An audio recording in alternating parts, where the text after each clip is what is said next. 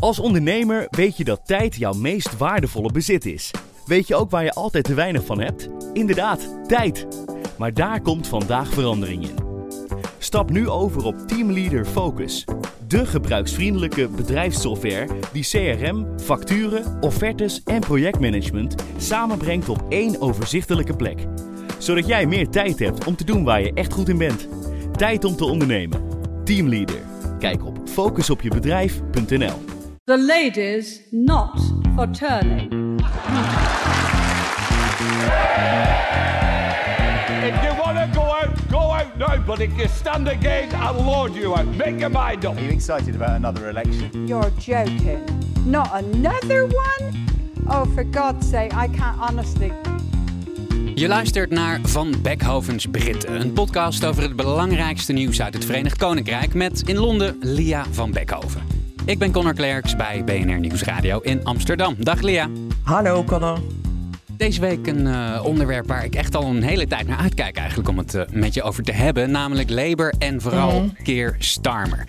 Al maanden uh, staat Labour echt flink voor in de peilingen. en toch gedragen zowel Labour als Keir Starmer zich zo nerveus, zo onzeker. Alsof juist zij en niet de conservatieven de underdog zijn bij de volgende verkiezingen.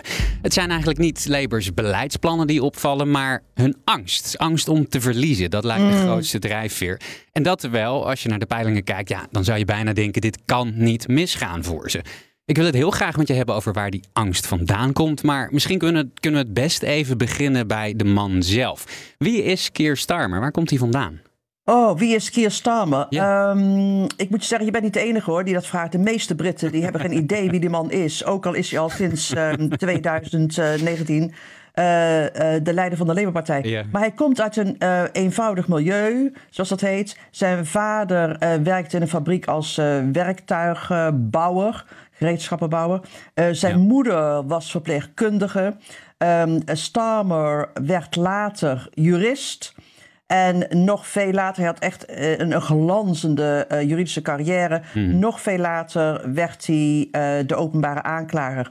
En omdat hij openbare aanklager was van, het, van Engeland en Wales, daaraan heeft hij ook die titel te danken, Sir. Hè? Hij reed ja. namelijk voor een ridderorde, dus het is Sir Keir Starmer. Maar Interessant wat je zegt, want um, uh, ik las net laatst ook weer een peiling waaruit bleek dat de meeste Britten denken dat Starmer echt een van die uh, chique jongens is. Weet je wel, dat hij oh, op een ja. jongenskostschool gezeten ja. heeft. Zelfde orde van grootte als um, uh, David Cameron, Boris Johnson. Helemaal niet. Mm. Maar ik denk um, waarom dat komt.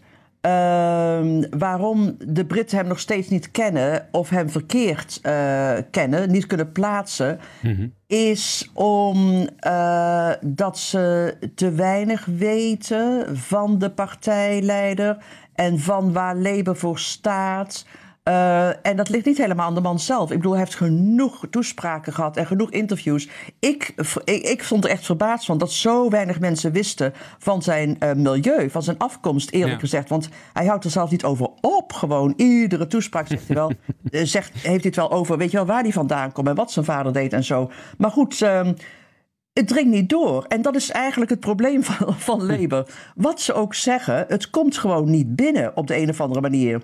Um, uh, hij had het uh, lang geleden over zijn vijf boodschappen. Ik, eerlijk gezegd, het is niet geland. Ik heb nog steeds geen idee wat die vijf uh, boodschappen zijn.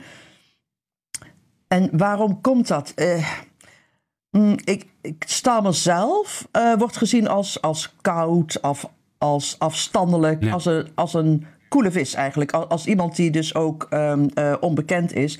Maar ik denk wat ook uh, helpt, behalve het feit dat hij niet uh, vreselijk spannend is, is dat wat hij en Labour ook schetsen, um, er zit geen beeld achter, geen narratief zou je nu zeggen. Mm, ja. um, ik bedoel, niemand heeft enige, enig idee wat Labour onder Starmer met Groot-Brittannië wil. Hoe ziet hij het land zich ontwikkelen? Hoe wil hij dat het land zich ontwikkelt? Hoe ziet hij het Verenigd Koninkrijk over vijf à tien jaar? Geen idee. Het verhaal, zal ik maar zeggen, ontbreekt. Ja. Iets waar Tony Blair ontzettend goed in was. Waar Margaret Thatcher ook heel goed in was. Het waren verbloog, ver, vervloog, bevlogen, inspirerende politici. Mm-hmm. Um, die hadden een verhaal. Eh, die hadden niet alleen een ideologie, maar die konden heel goed vrij abstracte eh, eh, ja, projecten heel duidelijk maken. Ehm, vrij onduidelijke, vage noties, heel kleurrijk beschrijven. Ja. En ik denk dat dat mensen aanspreekt. Ze willen iets hebben waar ze zich ehm, eh, aan vast kunnen houden. In ieder geval iets wat ze enthousiast genoeg maakt om uit het huis te komen en naar het stemhokje te gaan als er over pakweg ruim een jaar verkiezingen hier worden gehouden. Ja, ja Keir Starmer die is ja, zacht gezegd niet echt inspirerend. Dat hoor je vaak. Ik geloof dat eh, Frankie Boyle, komiek, hem Ja. ooit eh, typeerde als een man dat als hij op een duif af zou rennen, de duif zou blijven staan.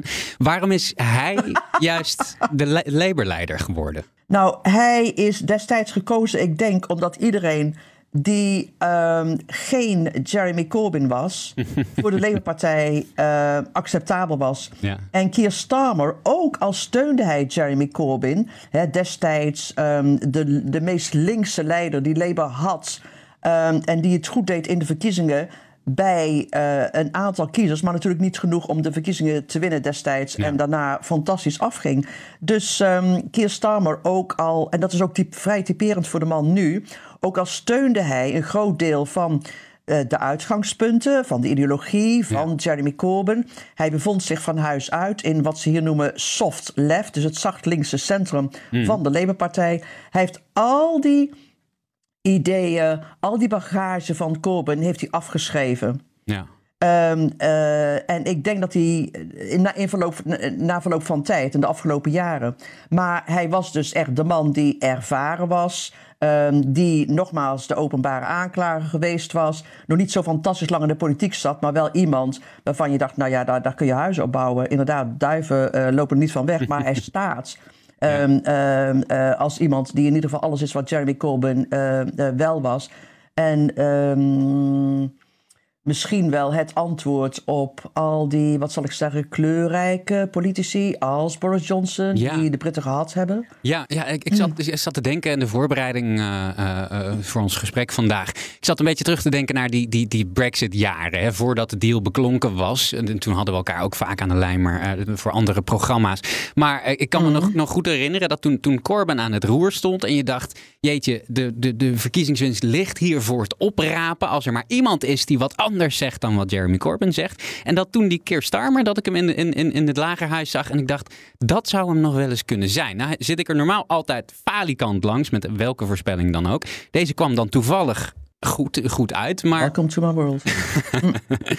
het was wel natuurlijk dat die, die Corbyn was gigantisch controversieel. En, en later tegenover Boris Johnson was, zo'n, was het eigenlijk wel een soort pre om zo'n saaier te hebben. Hè? Maar ja, nu staat hij dan tegenover Sunak. Dat is ook een, een beetje een, een robotachtige technocraat. Dan zou je Ja. toch eigenlijk liever iemand hebben met wat meer kleur. Hè?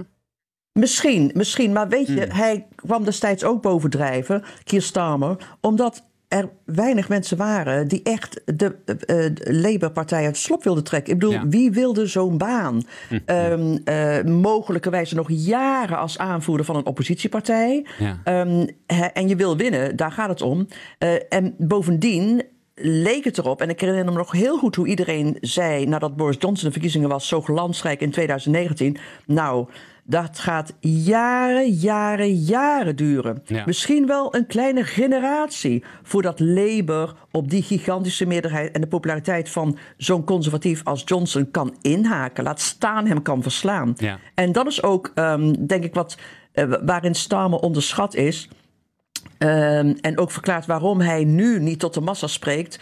Het feit dat hij met hele veel ijzeren discipline de partij helemaal veranderd heeft. Wat betekent heeft dat iedereen die niet ehm, zich achter Starmer en zijn beleid opstelt, die wordt echt koud gesteld. Ja. Daar wil de partij niet van weten. En de discipline is fantastisch sterk. En dat betekent ook dat je inderdaad het gevoel krijgt, zoals ze hier zeggen, van een Ming-Vaas-politiek. Labour is zo bang eh, dat ze gezien wordt als verdeeld, bijvoorbeeld. Ze is zo bang voor negatieve publiciteit dat het is alsof ja, eh, een vaas uit de Chinese Ming-dynastie. hè, je Ja. moet het, ze voelt erg breekbaar. Ze voelt alsof er ehm, niet veel hoeft te gebeuren. Of die enorme voorsprongen van de afgelopen maanden zijn eh, ongedaan. Ja. En dat is het probleem, denk ik, van Labour. Dat ze verlamd zijn en stijf staan van angst om de volgende verkiezingen te verliezen. Want nogmaals, het lijkt, afgezien van de peilingen, ehm, eh, die Labour nu gunstig gezind zijn. Als je ook kijkt en luistert naar de peilingen die het hebben over andere zaken, namelijk de conservatieven, dan is duidelijk dat voor de meeste Britse kiezers die zijn afgehaakt wat betreft de Tories. Ehm, dus je zou zeggen, Starmer heeft echt alles mee. De kiezers geloven niet dat een conservatieve mm, eh, partij iets doet aan de huidige grote problemen. En ook niet dat ze de eh, problemen bij een volgende verkiezing kunnen oplossen. Iedereen gelooft, door de bank genomen, dat de Tories op een tandvlees lopen. Ja. Eh, ze zijn uitgekakt, ze hebben geen nieuwe ideeën, dit is allemaal afgelopen. Dan nog is Labour zo bang de verkiezingen te verliezen. Dus de stemming hier is niet van eh, de aanloop naar de verkiezingen eh, van 1997. Hè, toen eindelijk na een hele lange heerschappij van de conservatieven.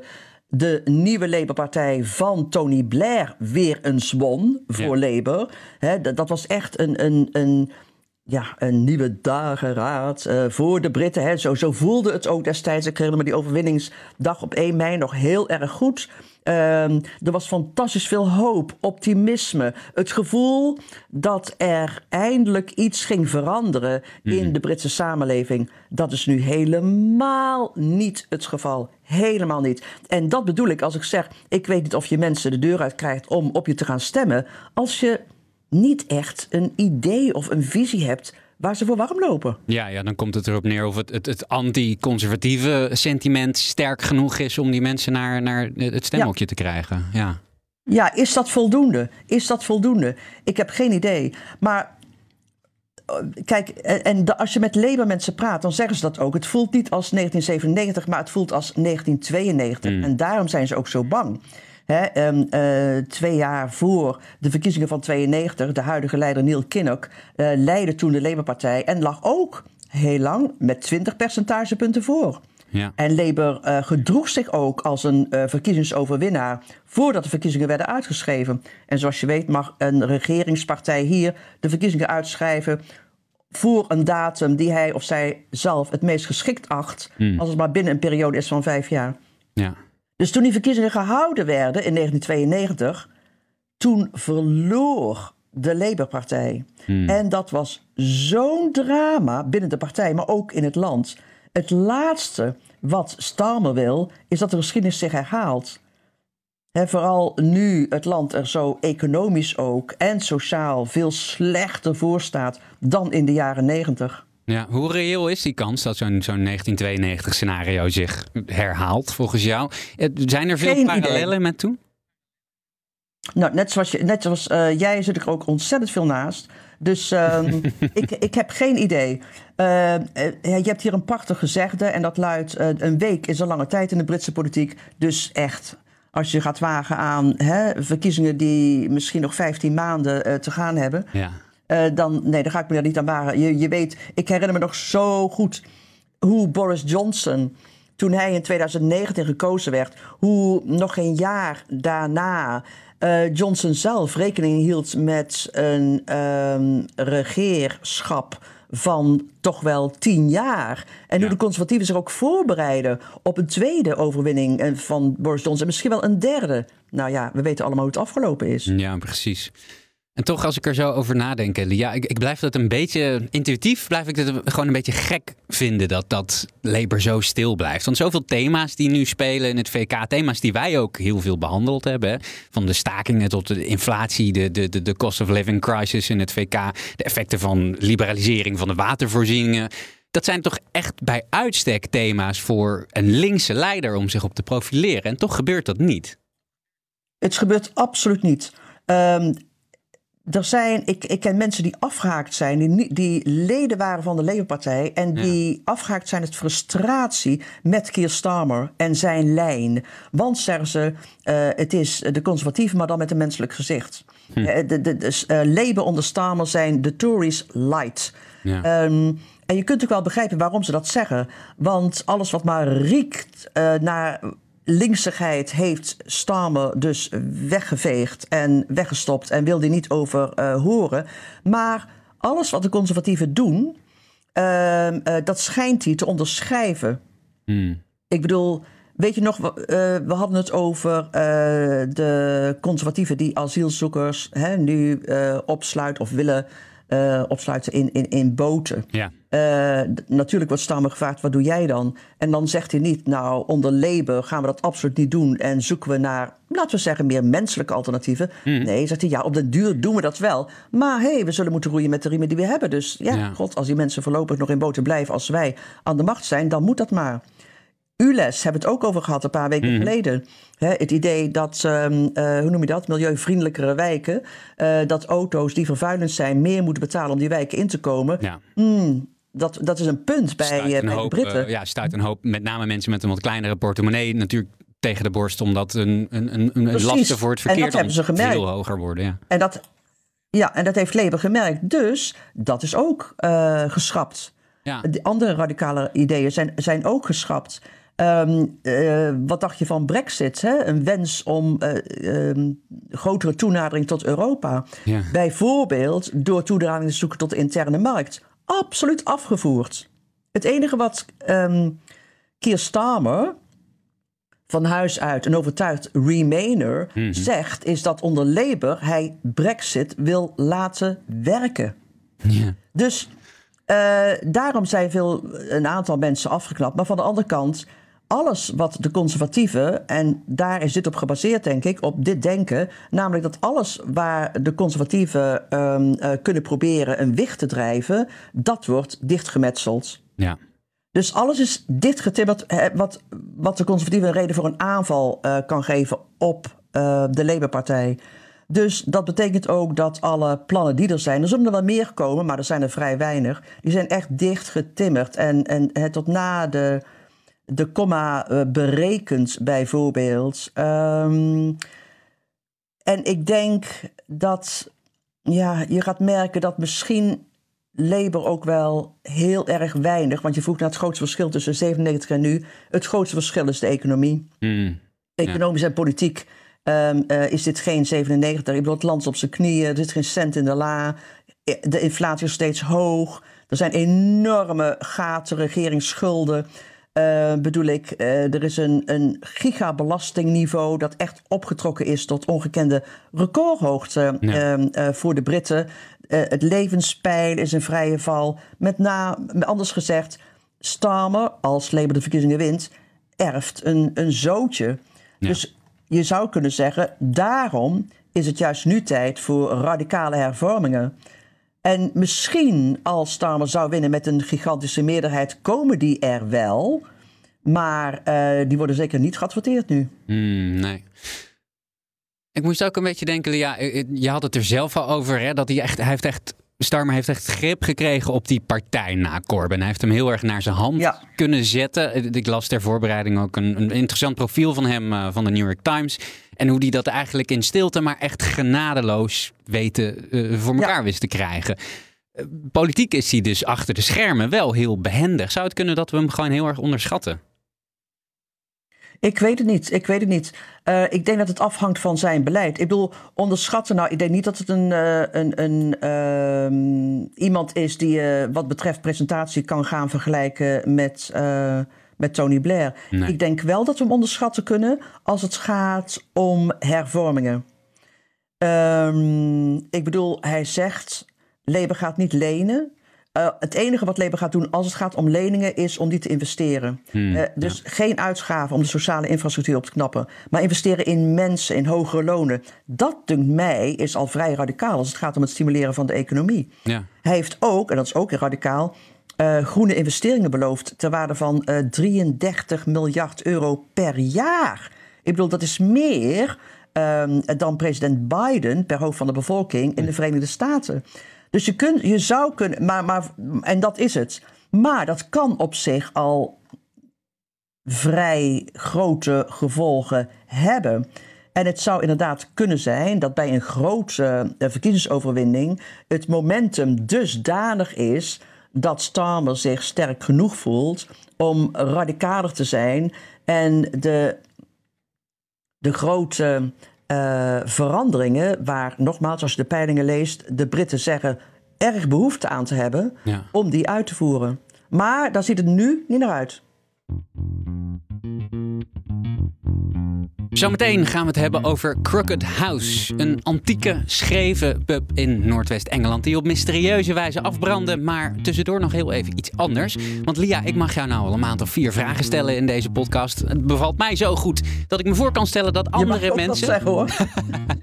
Jazeker. Maar ik kan me goed voorstellen dat andere mensen dat ook wel eens een keer zouden willen doen. Dus ik heb een inboxje gemaakt. Luister je nou naar deze podcast en wil je een vraag insturen? Doe dat dan in de vorm van een WhatsAppje of liefst zelfs een WhatsApp spraakbericht. Dat kan naar 06 2813 5013. Zet ik ook in de show notes. En eens in de zoveel tijd ga ik dan even het net ophalen. En als er hele goede vragen bij zitten, ga ik wel vanuit eigenlijk met onze luisteraars. Ja, dan gaan we er wel een paar beantwoorden. Ja, Lia, en zo verdeeld als de Britten zijn over, ja, over eigenlijk bijna alles, zo eensgezind zijn ze nu ineens over een mysterieuze brand die een scheve, antieke pub in de as legde. Hoe de Crooked House op het Noordwest-Engelse platteland aan zijn einde kwam, ja, doet een beetje denken aan uh, Midsummer Murders, maar dan zonder de lijken. Die brand die zou opzettelijk zijn aangestoken en de pub die moet steen voor steen worden herbouwd. Gaat dat ook gebeuren, Lia? Ik vraag het me af. Misschien wel, misschien niet. Maar het verhaal is inderdaad, het is zo interessant. Ja. Dit is, um, uh, zoals je zegt, een pub in, in, in, in Noordwest-Engeland, Staffordshire. 260 jaar oud en inderdaad Crooked House geheten. En dat is niet voor niks, want de pub is, was ontzettend scheef. Ja. Um, uh, en daarom was hij ook beroemd. Uh, weet je wel, de, de, pub was gebouwd op een kolenmijn. Uh, dat gaf reden tot verzakking. Dat op zich was al een attractie. mensen kwamen daar kijken en inderdaad de, de wet van de zwaartekracht tarten. Mhm. Mm. Want ik begrijp dat als je bijvoorbeeld een knikker over de toog probeerde te krijgen... dan kwam die de andere kant weer naar voren. Dus dat had helemaal... Dan, dan, dan reageerde die precies andersom als normale knikkers. Ja, en dat, kwam top. allemaal door die scheve, um, die scheve pub. Um, nou, wat er gebeurde is dat um, uh, twee weken geleden er nieuwe eigenaars kwamen. Die kochten die pub. En uh, kort daarna, uh, op een zaterdag, ruim een week geleden, was er een brand. Stond, die, die kroeg had leegstaand, um, was een, ja, brand, dreigt niet af te branden.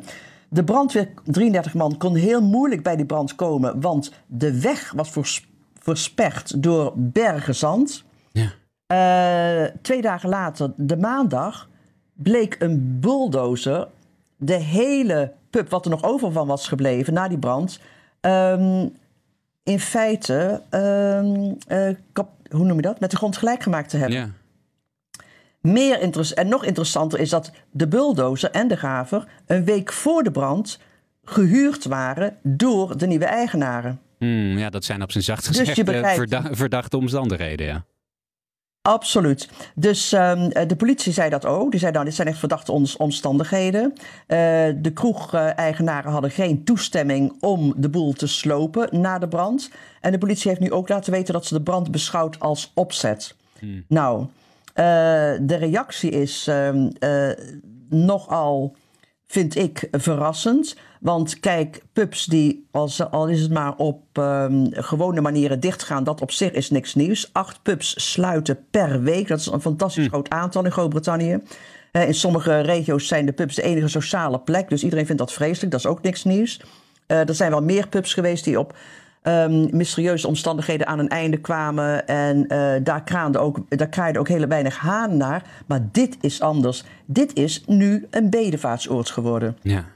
Als je nu gaat kijken uh, in de richting van de Crooked House, uh, dan zie je uh, ja, wat gebruikelijk is hè, in dit soort omstandigheden. Als mensen zijn komen te, te, overlijden bij een verkeersongeluk bijvoorbeeld. Het ligt er vol, wil ik maar zeggen, met kaarsen, wow. met bloemen, met sjaals, met knuffels.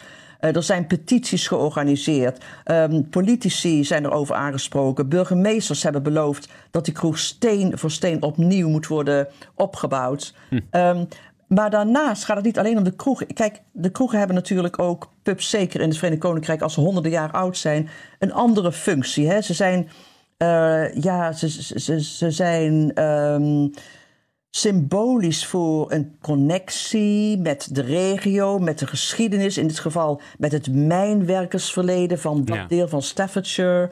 En mensen zien het als een erfgoed bijvoorbeeld. En ik denk dat dat ook de reden is waarom er zo ontzettend veel om te doen is nu. Ja, en, en wat, wat, wat voor partij is dat eigenlijk die, die die pub gekocht heeft en die dus nu verdacht wordt? Ik weet nog niet officieel, maar in elk geval eh, waar vraagtekens bij geplaatst worden. Ehm, eh, de eigenaren zijn een aannemer. eh, die eh, ook eigenaar zijn van een nabijgelegen stortplaats, vuilnisstortplaats en van de mijnschacht. Eerder hebben ze al een andere pub gekocht en afgebroken, waarna ze vergunning hebben gekregen voor appartementen. Hm. En de angst is natuurlijk dat dit precies hetzelfde nu gaat gebeuren.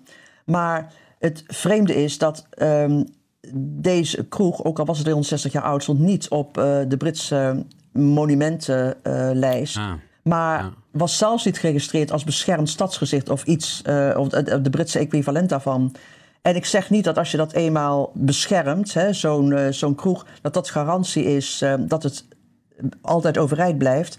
Ehm, maar eh, er zijn wel gevallen geweest waar dit wel hielp en waar kroegen om deze manier wel nog steeds bestaan. ja. Ehm, eh, maar in een voorgeval eh, weet ik dat de eigenaars en de aannemers eh, in beroep gingen en, en, en wonnen. En dat is ook de reden waarom de huidige eigenaren van die vorige pub inderdaad een plek hebben gemaakt voor, ik geloof, 15 of 20 appartementen. ja. En dat is natuurlijk ook een vraag die je kunt stellen. Ja, het is allemaal wel mooi, die, die, die pubs en zo. Maar als er geen hond komt drinken, moeten dan tot in lengte der dagen eh, daar maar blijven? Hm, Hè? ja, ik bedoel, er is een regel geloof ik die zegt dat als een pub een lange tijd geen winst heeft gemaakt, dan mag hij inderdaad verbouwd worden of afgebroken worden. Bovendien, er is een gigantisch eh, gebrek aan huizen hier, zoals in Nederland. Ehm, dus ik denk als je in beroep gaat, ehm, eh, als gemeente bij de regering en je zegt tegen de overheid: Nou, we zijn zo gehecht aan die het is zo'n belangrijke sociale functie heeft het en zo en zo belangrijk eh, eh, voor de connectie met onze geschiedenis enzovoort enzovoort. Dat dan de regering zegt: Ja, dat is wel mooi en dat gebeurt regelmatig. Dat is wel goed, maar je kunt ook de bestemming van die kroeg veranderen door de huizen neer te zetten. En daar hechten wij op dit moment veel meer aan. En dat is in feite het geval geweest, maar misschien dat vanwege. ehm, de he- geheimzinnige manier waarop de Crooked House aan zijn einde kwam, dit ook gaat veranderen. Dankjewel voor deze week, Lia. Ik spreek je woensdag weer. Tot volgende week.